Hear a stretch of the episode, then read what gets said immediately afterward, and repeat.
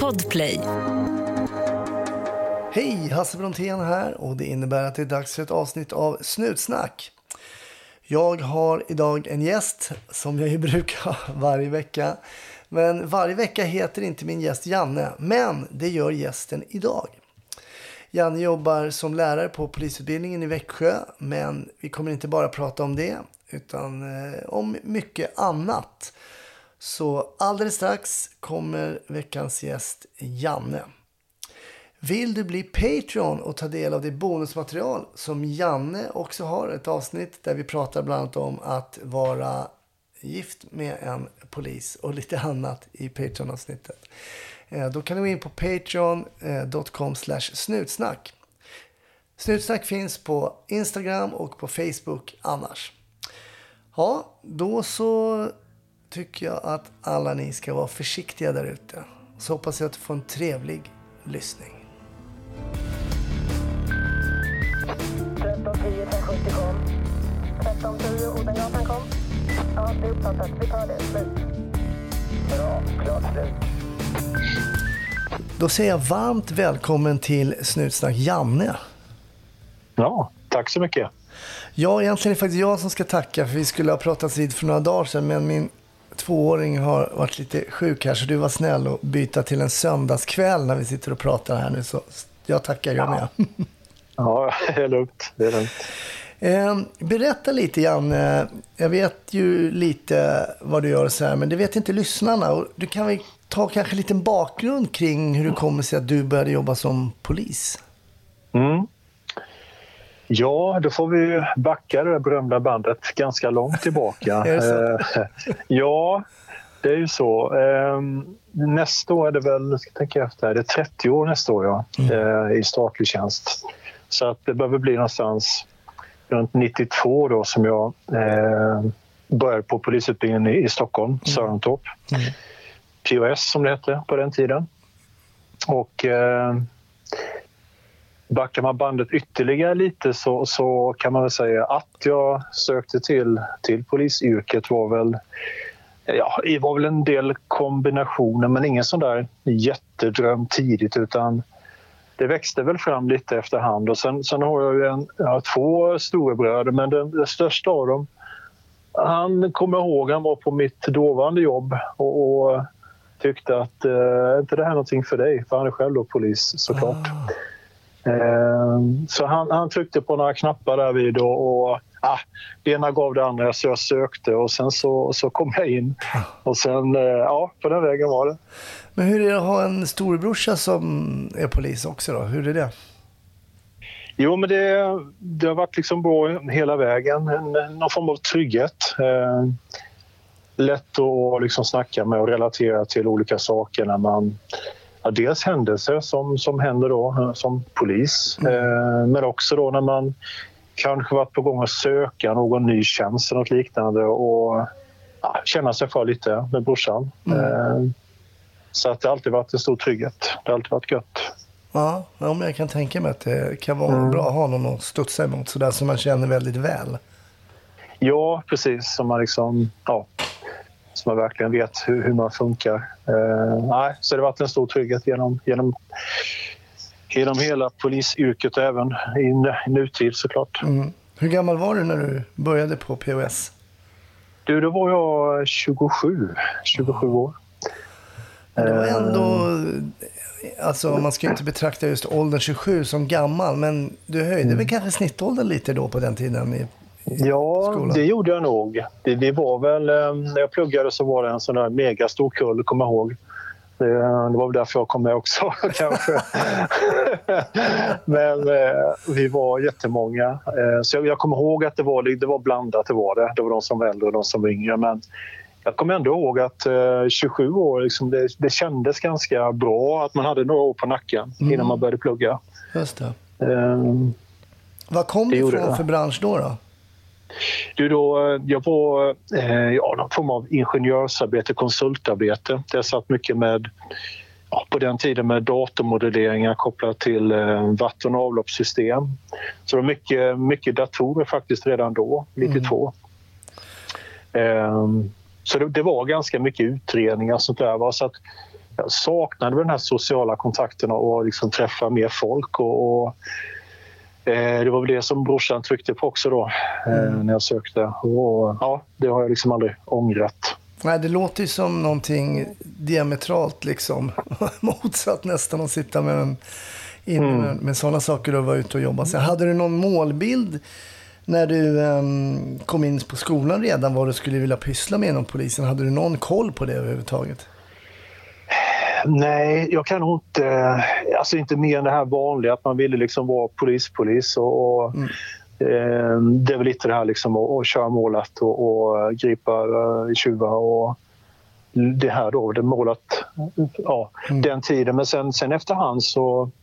Ja, just då visste jag nog inte sådär, utan mer bara att man ville bli polis och, och eh, ja, jobba någonstans och, och, och de sakerna.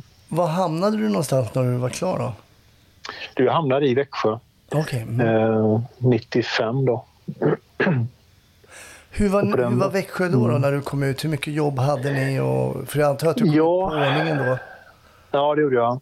Alltså på 90-talet var det ganska mycket stök, i alla fall i Växjö. Det är den minnesbilden jag har. Det var rätt mycket alltså gäng, eh, mycket, ja, mycket slagsmål på stan var det. Större gäng som var beväpnade ganska ofta med eh, olika tillhyggen och liknande. Så att det var ganska stökigt på 90-talet, i alla fall i början på 90-talet i Växjö.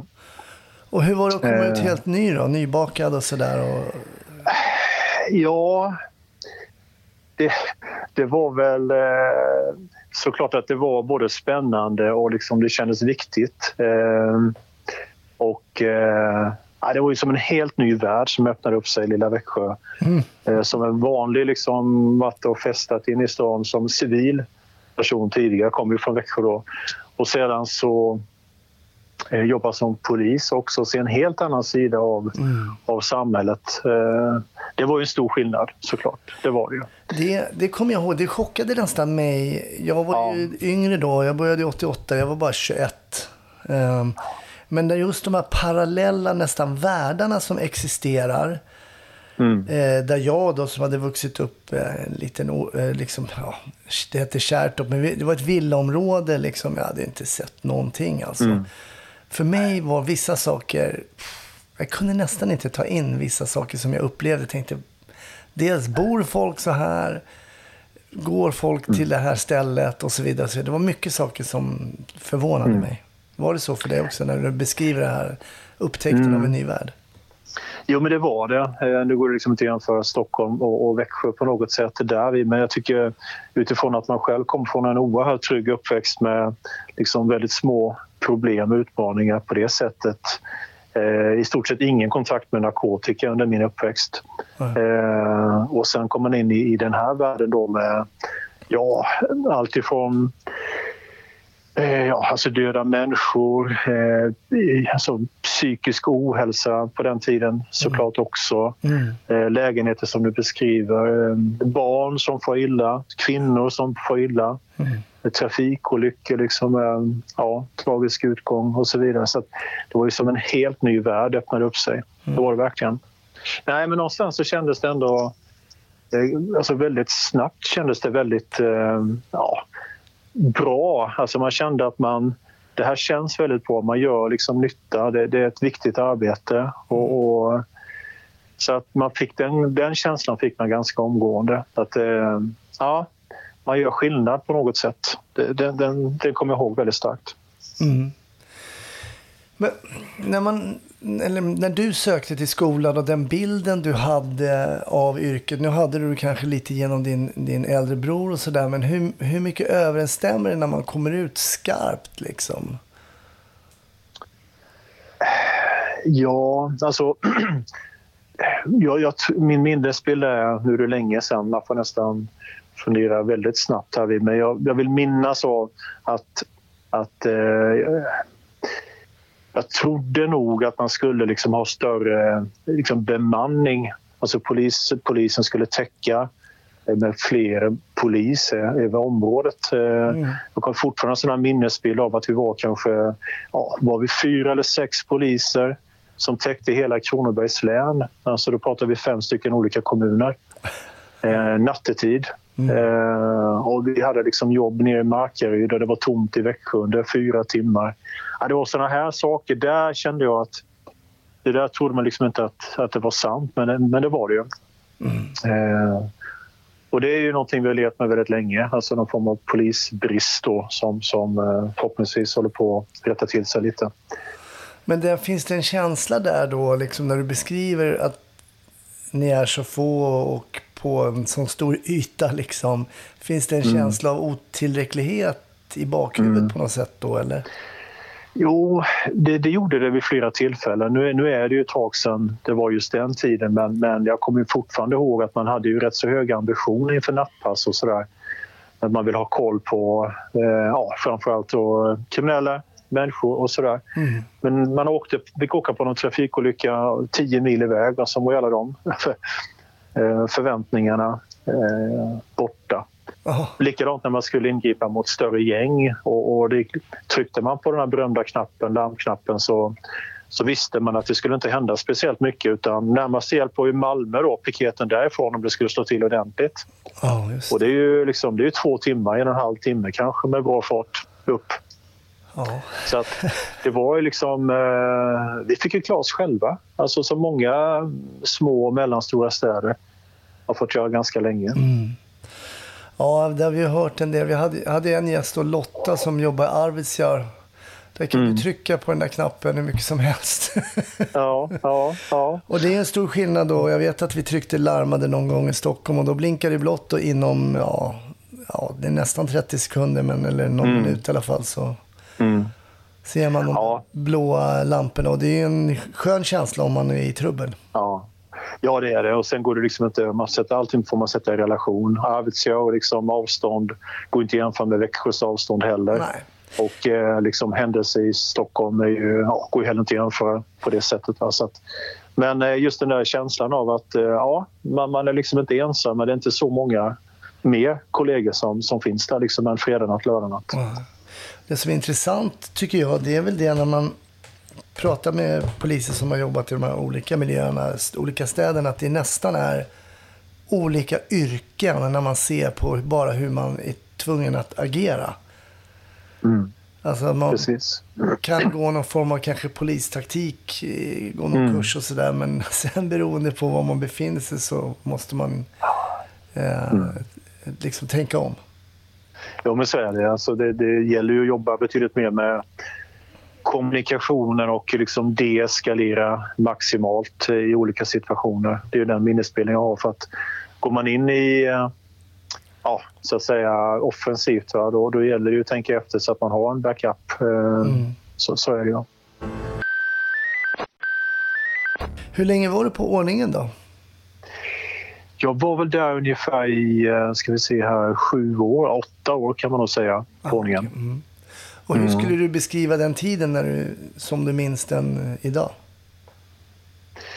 Ja, men det, ja, min minnesbild är att den var väldigt stimulerande. Alltså det var extremt mycket lärdomar man, man tog med sig därifrån.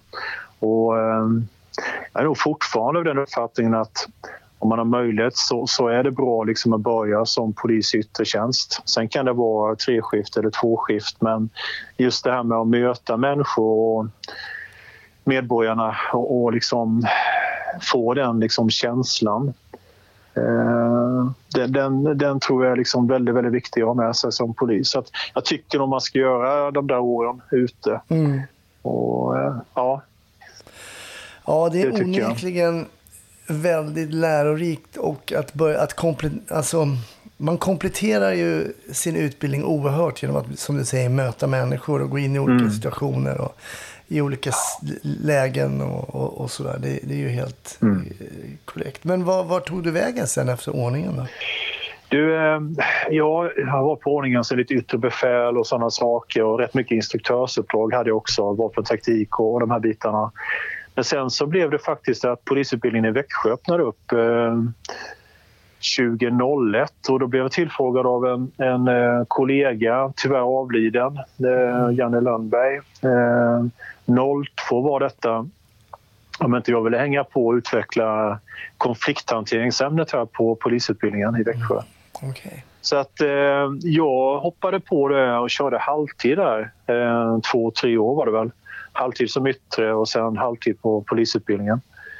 Eh, och det var så jäkla kul alltså att jobba på utbildningen och bygga upp något, någonting helt nytt. Det var från ett nollläge. Mm. Med, eh, ja, du vet själv de här eh, polis, eh, polisgreppen som vi har lärt oss men också då väldigt mycket kommunikation och taktik och blanda in juridik i, i det ämnet. Fantastiskt kul var det. Mm. Ja.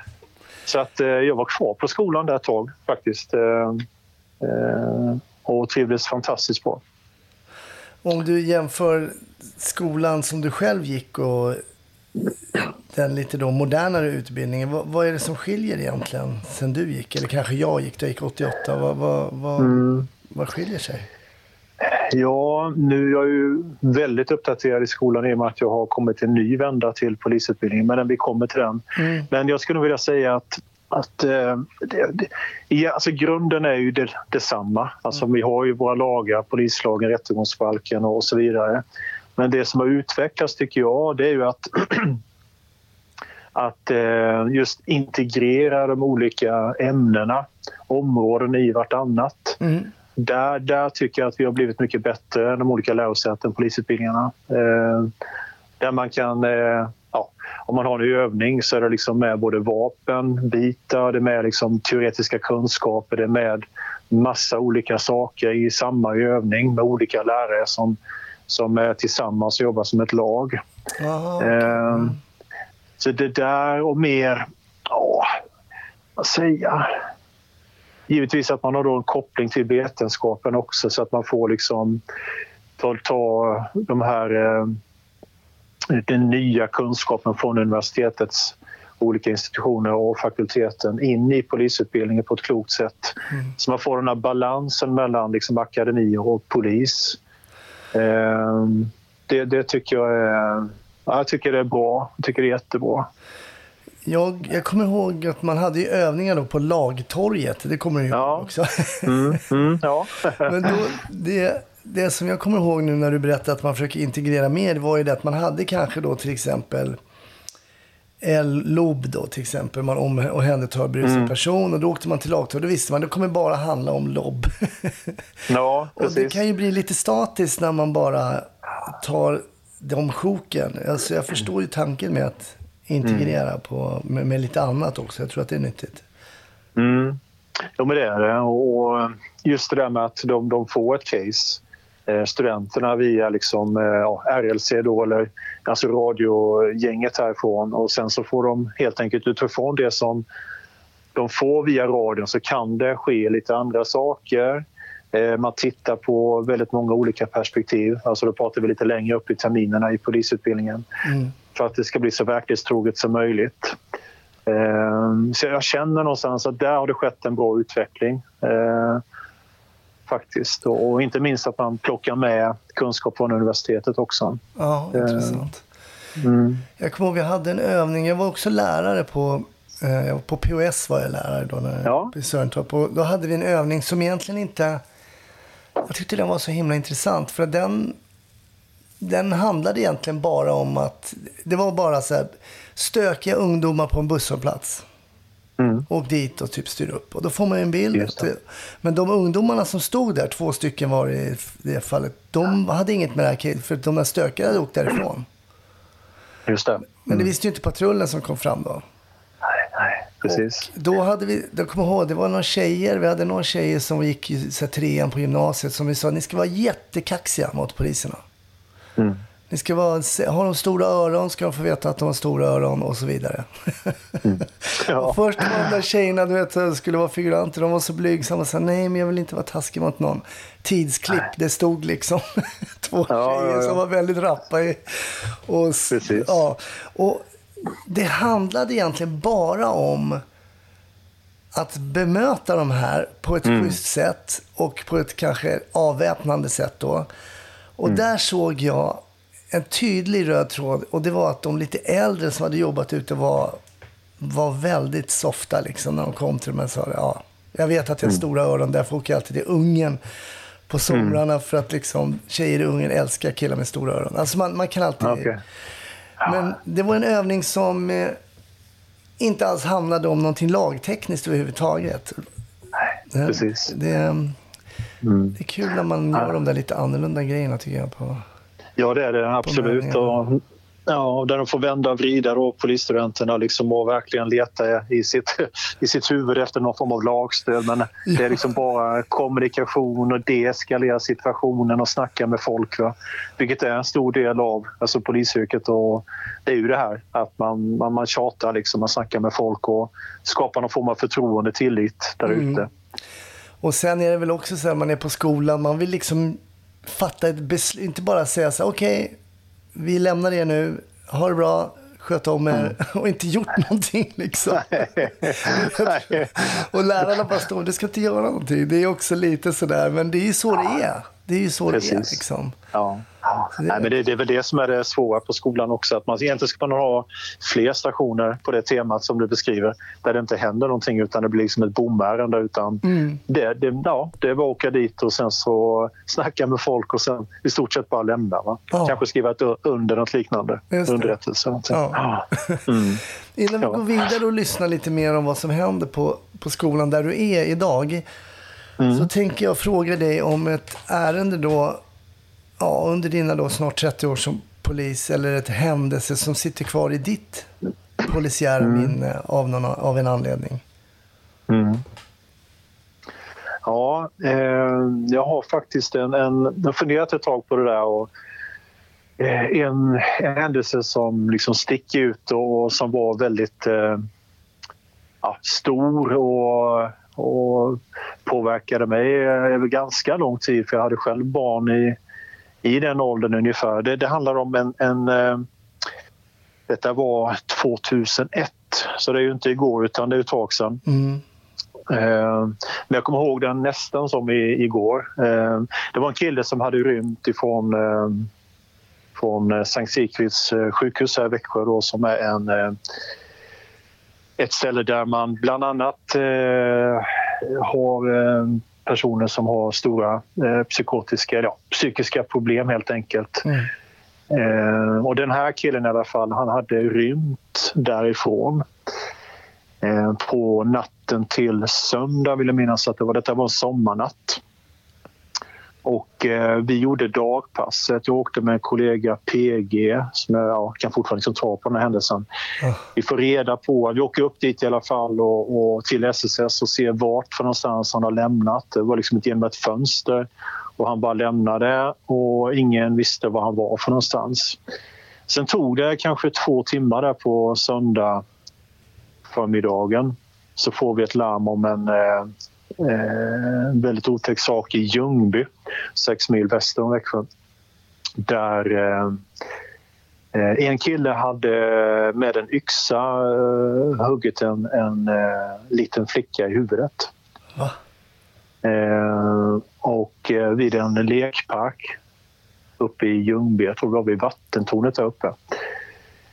Och eh, vi åkte på detta. Eh, Det kan jag säga att det var den snabbaste bilfärden någonsin för min del eh, till Ljungby. Det tog inte många minuter. Nej. Och ja, resurserna, det vi hade, samlades ju där. De som jobbade som poliser var lediga. Gick ju liksom man ur huset. Och resten av Ljungby liksom låst in sig ungefär va? i jakten på den här mannen. För det som hade hänt var att det var den här killen då som hade rymt och han hade då tagit sig till Ljungby. Han hade varit och, ja, jag tror han hade snott en, en sån här handyxa på något ställe. Eh, och eh, då i den här lekparken så hade han tagit fram yxan och huggit eh, flickan i huvudet och eh, helt enkelt huggit bort en bit, en minnesbild, jag vet inte om den är exakt men en ganska stor bit av, av eh, skallbenet. Oj. Eh, slidat den liksom så att flickan överlevde. Så försökte han hugga även den andra flickan men eh, eh, då kom det någon som cyklade genom lekparken. Precis då högg han yxan i den här plåten på, på rutschbanan. Okej. Eh, och då i alla fall så flydde han och sen så kom vi till platsen och så blev det värsta jakten där då. vi anträffade honom efter kanske en timme, jag kommer inte en timme, två timmar kanske, nere vid Lagan. Eh, ån som rinner genom Ljungby eh, på ett fält och där, där, var, där blev han liksom omringad av kollegor. Och där var det en, en kollega då som kom bakifrån och drog eh, batongen i, ja, i huvudet på honom tror jag för att han, han gick emot en kollega med yxan. Så att han, han blev ju knockad där. Eh, men det som jag kommer ihåg jättestarkt då det är liksom det som händer efteråt här för då, då kvicknar han till liv. Han är bojad såklart. Eh, han åker ambulans in och så sitter jag med honom i ambulansen. Och eh, man har extremt mycket adrenalin i kroppen när man sitter där då i ambulansen. Så jag ställer frågan till honom. Vad är det du har gjort för någonting? Fast ja, kanske lite mer tuffare än så här. Mm. Eh, det är mitt sätt att hedra småflickor på. På måndag tänkte jag hedra alla flickor på det här dagiset. Så nämnde han ett dagis i Ljungby.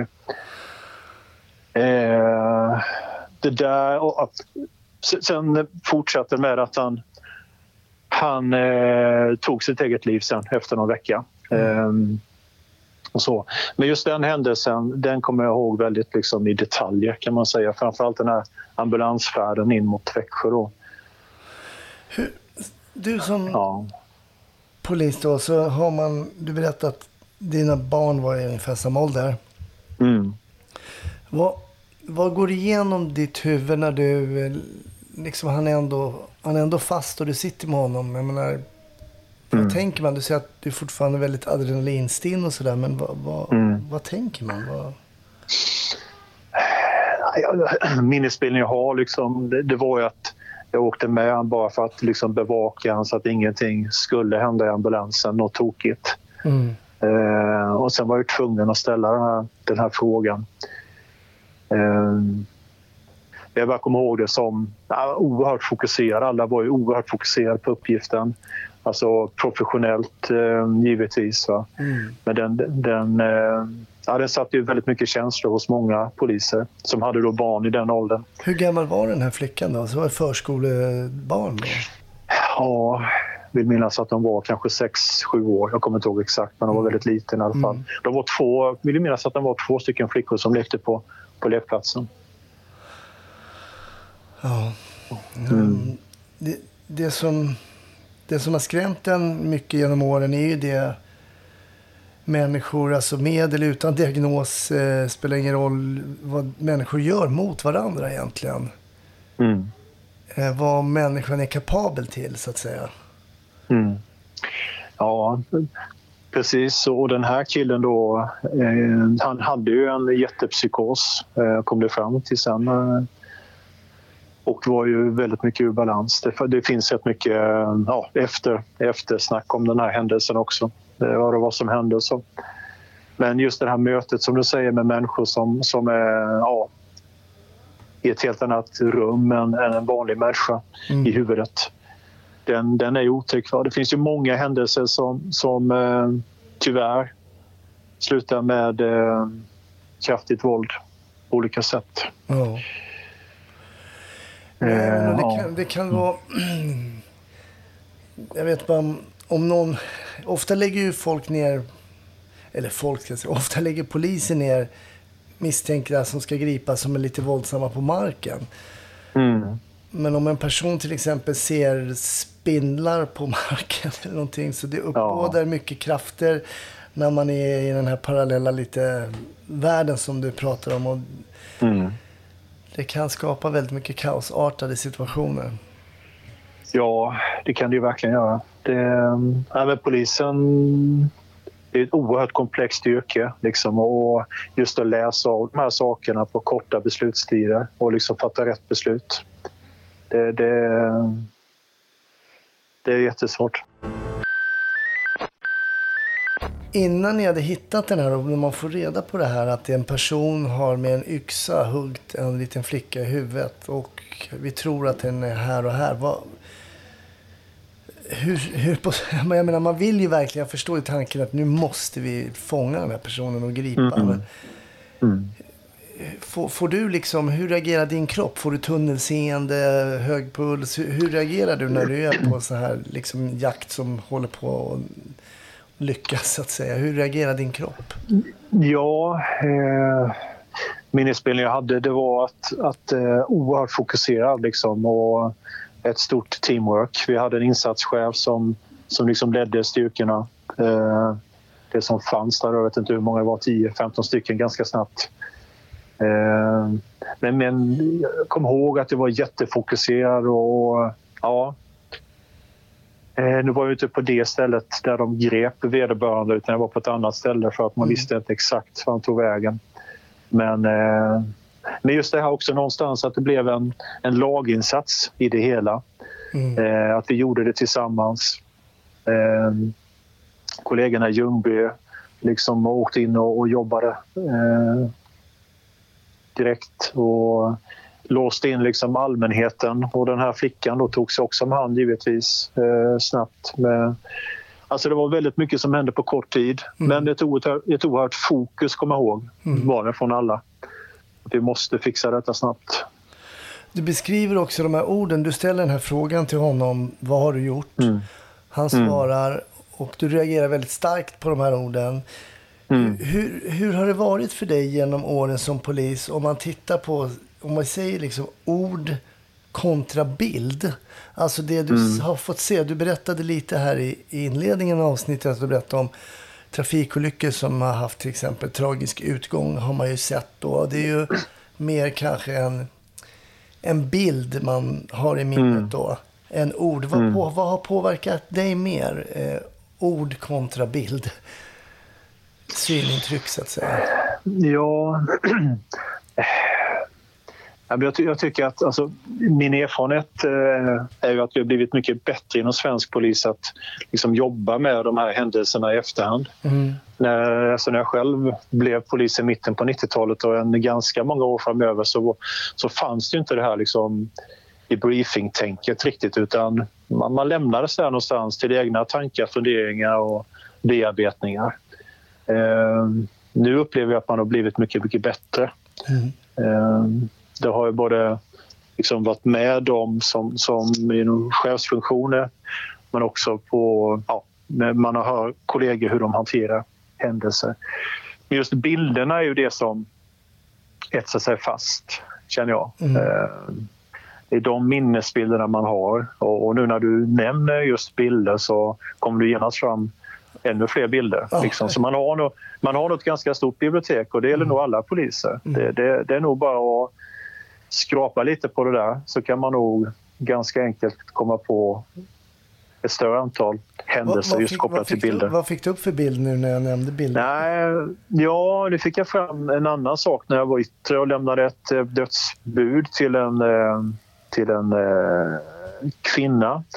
Och den här kvinnan var då gift med en, med en man som gick i min klass på gymnasiet. Och de hade då också en fyraårig dotter som eh, blev av med sin pappa där. Eh, Så det är ganska mycket relaterat till, till, eh, till barn, vill jag nog säga, de här bilderna. Det är nog där som har etsat sig fast mest. Ja, barn som har någonstans farit illa direkt eller indirekt, så att säga. Det finns ju någonting nedärvt i vårt DNA på något sätt. Att barnen ska inte råka ut för de här sakerna. Mm. Så att säga. Egentligen inte för sjukdom utan de ska få komma dit vi är liksom nu.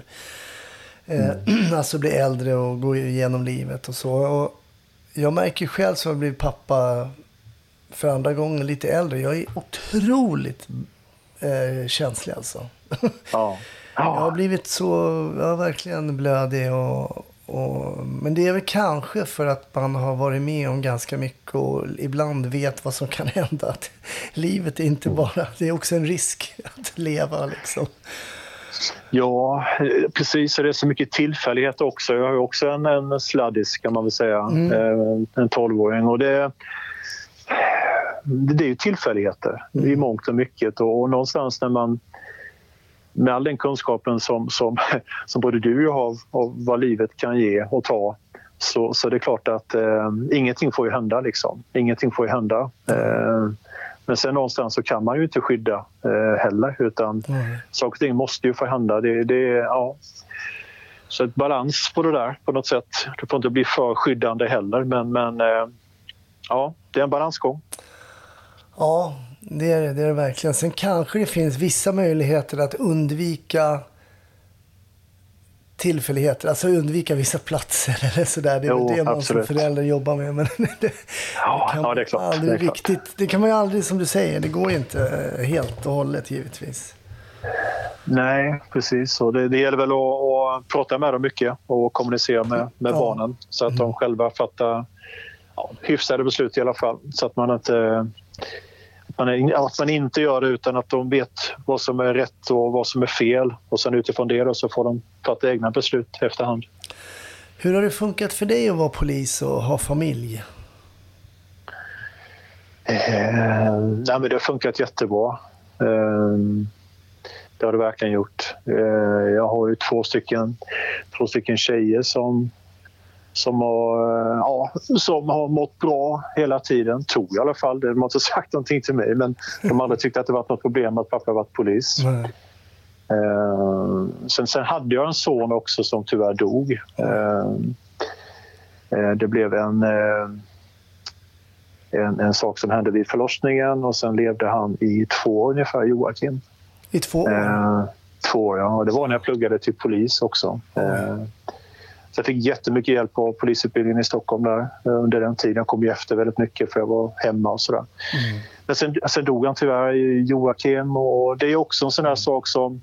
Vi har ju alla saker och ting med oss i våra liv och den, den har väl gett mig väldigt mycket, ska man säga... Eh, ja, mina armbågar är inte jättevassa utan de, det är väldigt mycket förståelse i, i, i människors beteende, att saker och ting kan hända, att vi är olika. Mm. Eh, ja, det gav väldigt mycket perspektiv. Mm. Om man nu ska dra några positiva saker från en sån erfarenhet. Mm. Åh, fy. Mm. Det är sådana tankar som man inte ens vågar släppa upp nästan, att förlora ett barn. Nej, det, det är ju precis som du sa innan, att det, det ska ju inte hända. Va? Man ska ju liksom, barnen ska ju leva lite längre än föräldrarna förhoppningsvis. Så, Eh, Mm. Men det är också intressant att det här med polisyrket, man pratar ofta om att, ja, vad har du i din ryggsäck så att säga? Vad, Mm. de, här, bara de här minnena du berättar nu till exempel. Men Mm. det är också det som du nämner, vad har du i ryggsäcken när du kommer också, när du är liksom, du börjar polisutbildningen och så vidare och så vidare. Vad har du med dig där? Du har ju med Mm. dig redan väldigt mycket. Och tragiska händelser kan ju faktiskt, som du säger, även om det låter eh, lite konstigt, men också ta med sig någonting, en lärdom och någonting som man kan föra vidare i, här, i yrket som polis. Mm. Ja, men det tror jag. Jag tror det också. Va? Det, det beror på lite hur man tacklar de sakerna. Mm. Ehm, det är väl så. Det är ju lätt att gå åt andra hållet också, kan jag Ja. tänka mig. Mm. Ehm, men, eh, men jag, någonstans så, så har det bidragit till, till den jag är i, både privat men också i min yrkesroll. Ehm, där jag, jag känner att jag har ett väldigt stort engagemang i, i det här fallet eh, just nu då bland polisstudenter, i de man jobbar med Mm. till exempel. Man liksom försöker se dem på... Ja, Mm. Nej, jag kan ju få upp tankar när du berättar om den här mannen. Inte, min pappa var ju psykiskt sjuk och, och, och tog också sitt liv till slut. Och mm. Det, det hade för mig också en, om man ska prata om positiva saker, men när jag mötte de här personerna så tänkte jag ibland när någon sa till exempel jävla psykfall och så här, så tänkte jag, ja ah, men nu kanske du pratar om min pappa här. Eh, Så jag har haft en annan ingång Mm. kring det än vad andra har haft. Och för mig var det en styrka eh, några gånger. Jag vet vissa fall där det var verkligen en styrka när man kom på, på jobb. Liksom. Mm.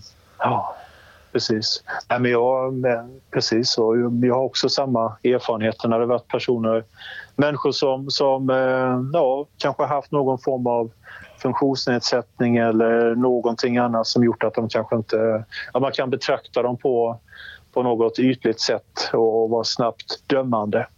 Men det finns eh, väldigt ofta förklaringar till saker och ting. Mm. Eh, att man beter sig på olika sätt eller att man...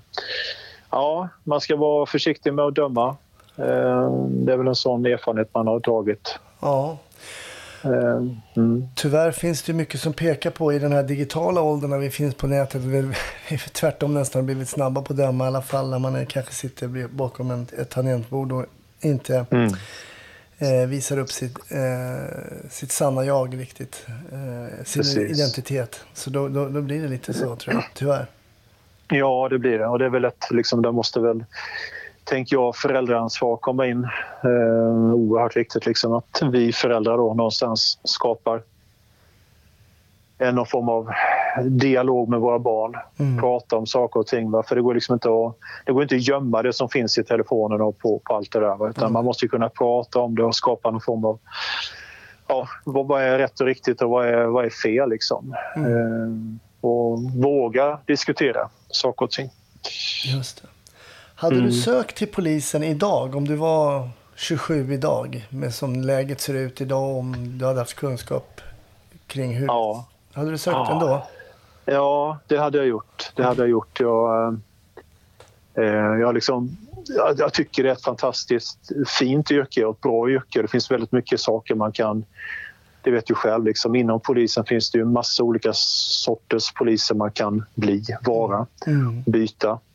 Och jag tycker att uppdraget är så oerhört viktigt. Eh, någonstans har det visat sig att, att eh, ja, vi, vi måste ha bra poliser som, som har förtroende från allmänheten Mm. för att kunna liksom, ja, lösa de stora utmaningarna som finns. Mm. Så att, ja, jag hade nog velat vara med och försöka bidra än en gång liksom, Mm. med det. Ja, intressant. För det är onekligen ett, ett annat läge än 92. Mm. Mm. Eh, Jag vet inte, hade ni skyddsvästar när ni började jobba då eller? Det var väl precis då, tror jag, de kom till världen, de här eh, tunga, obekväma sakerna. eh, vill jag minnas. Så de satt ju väldigt konstigt. Jo, men jag vill minnas att vi hade det Ja. eh, någonstans, mitten på 90-talet där någonstans. Mm. Men berätta, vad gör du idag? Vad, vad, vad, vad är din tjänst idag? Vad har du för tjänst? Ja, eh, efter att ha varit på Polismyndigheten några år sedan så, så, så var det en stor omorganisation 2015 som du kommer ihåg där, en, en, eh, en myndighet. Och, och, så där jag kände att eh, nej, men jag vill testa skolan igen och fick en möjlighet här uppe på, i, i Växjö Mm. på Linnéuniversitetet på polisutbildningen. Så jag har varit där sedan 2016 är det väl, någonting sånt. Ja, okej. Eh, så att tiden går. Så det är ju faktiskt fem år nu då när jag gör matten. Så att min uppgift, min, min, min uppgift idag är väl... Jag håller på med flera olika saker, eh, vilket är fantastiskt kul och en stor förmån.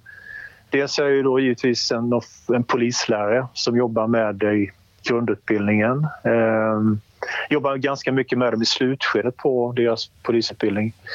Där eh, bland annat så har vi en examinerande slutövning som jag är ansvarig för.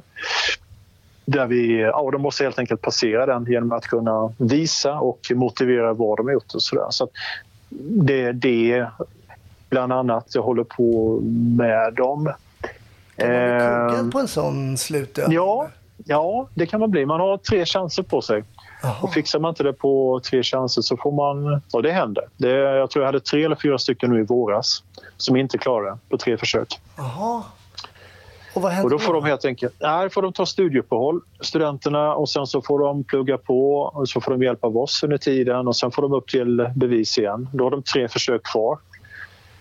Och klarar de inte det då så då är det faktiskt rött kort. Då får de inte fortsätta polisutbildningen. Åh tusen. Jag har haft en gäst faktiskt som blev underkänd på sin praktik. Heter det praktik nu för tiden? Eller? Ja, aspirant. Aspirant heter det ja. Ja. Och han fick ju rött kort så att säga. Det, han får aldrig Ja. söka igen. Han är liksom körd. Ja, Okej, okej. ja. Men Han, jag måste Ja, s- säga att han hade en väldigt ödmjuk inställning till att han har blivit kuggad. Jag hade nog förväntat mig en mer ehm, bitter person. Mm. Men han var med egentligen för att berätta för de blivande eh, poliserna liksom att gör inte de misstagen som jag gjorde. Jag gjorde inte det här, jag lyssnade inte där. Och så, ja, men det var ett väldigt intressant samtal faktiskt. Ja, ja. ja men det, det hände och någonstans så... Eh, det är väl också någonting som jag tycker har blivit annorlunda sista, ja, vad kan det vara, fem år någonting sånt där. Att det, mm, det, är ganska, ja, det är ganska tufft och det är tufft, men det är stora krav att passera polisutbildningen. Mm. Alltså det, det, det är ingenting som på min tid så kunde man liksom jag ska inte säga att vem som helst kunde gå igenom utan alla gick igenom men, men så var det ju nästan. Det skulle till något väldigt stort ifall någon inte blev, eh, gick igenom hela vägen. Men eh, med tanke på att det är högskolepoäng då för varje kurs, ämne så är det också examinationer, större krav vilket gör då att vi har ett antal som inte eh, kan gå upp på ett normalt sätt utan får då ta studieuppehåll. De är inte många men det är några stycken varje termin som, mm. som drabbas av det. Där. Och det, ja, jag tycker det är bra att ha någon form av stabil lägstanivå.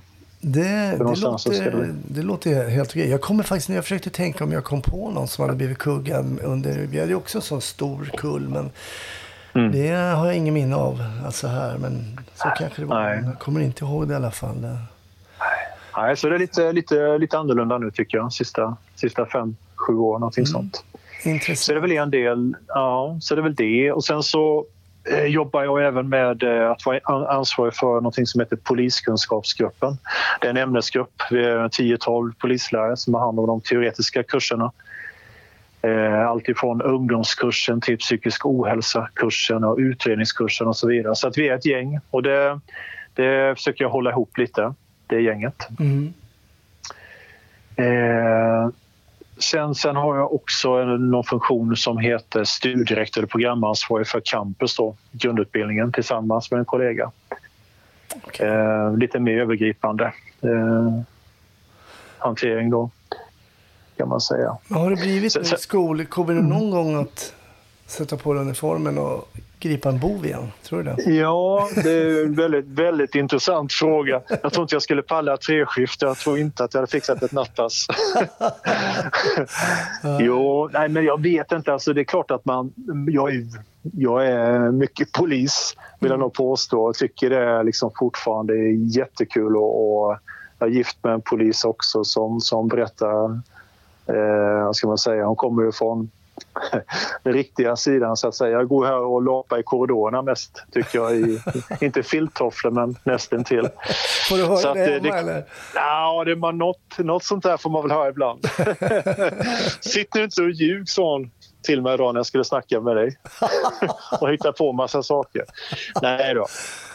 Utan eh, det är klart att man någonstans så ska man väl göra något ryck ute också. Sen vad det blir, det blir nog inte radiobil. Eh, jag har stor respekt för de kollegorna som, som rullar runt liksom och, och får det där att funka med snabba beslut och mm. allt detta. Utan mm. det får nog bli, det får bli någonting annat i så fall som man kan tillföra organisationen på något, på något bra sätt. Men jag tolkar ändå, det låter lite som att du kanske kommer pensionera dig som konstapel.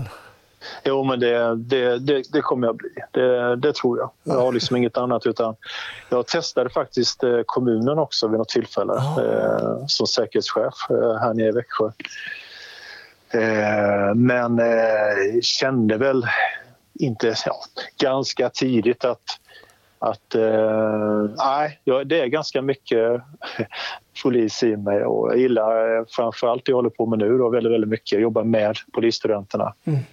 Eh, och någonstans bidra lite i deras utveckling. Så att, ja, det blir nog som du sa. det tror jag. ja, men kul, men kul. Men jag ska ja. ändå... Jag kan inte låta bli, tiden går fort här, men jag ska runda av med den klassiska snutsnackfrågan här. Det är mycket polis i dig, säger du Janne, men hur mycket polisfilm är det i mm. dig? jag tycker väl om att titta någon gång ibland också. Ja. Eh, helt klart. Och, och Sen får det inte bli, eh, ja, vad ska man säga, för ytligt eller för, liksom, för mycket film bara utan det får bli någon form av tanke eller någon känsla där man känner att det suger tag lite i en. Ja. Har du någon, någonting du kan eh, rekommendera? Har du något sådär i någon film eller serie eller någonting som du kommer ihåg var bra? Alltså jag, någonstans har jag i, i sista tiden här börjat titta lite på den tunna blå linjen. Jag ligger lite efter här vid, men där kände jag ganska snabbt att eh, det där är ju check i ganska många rutor utifrån min uppfattning i alla fall. Hur, hur det skulle kunna vara på, på rätt många ställen i Sverige som yttre polis med både personliga saker och kommentarer från allmänhet. Eh, ja, det komplexa någonstans och mycket känslor med i, i hantverket också. Mm, jag tycker de har gjort det bra.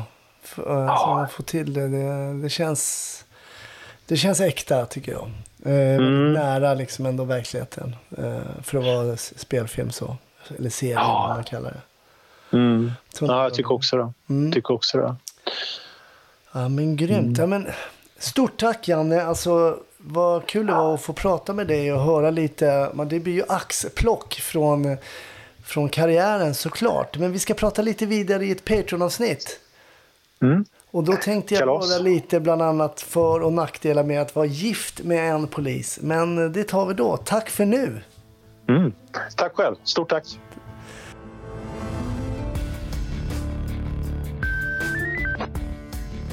Tack för att du har lyssnat på Snutsnack. Vi är givetvis tillbaks om en vecka, varje tisdag. Så är det och så har det alltid varit och jag hoppas kunna hålla i det. Vill du lyssna på bonusmaterial, gå in på patreon.com snutsnack så hittar du det där. Jag har ju också släppt ett litet eh, extra snackavsnitt med Simon som var med i Biggest Loser och som vill börja jobba som polis. Lyssna gärna på det trots att han inte är det och att det ligger lite utanför boxen så att säga. Annars får du ha det toppen. Hoppas vi hörs i nästa vecka. Hej då!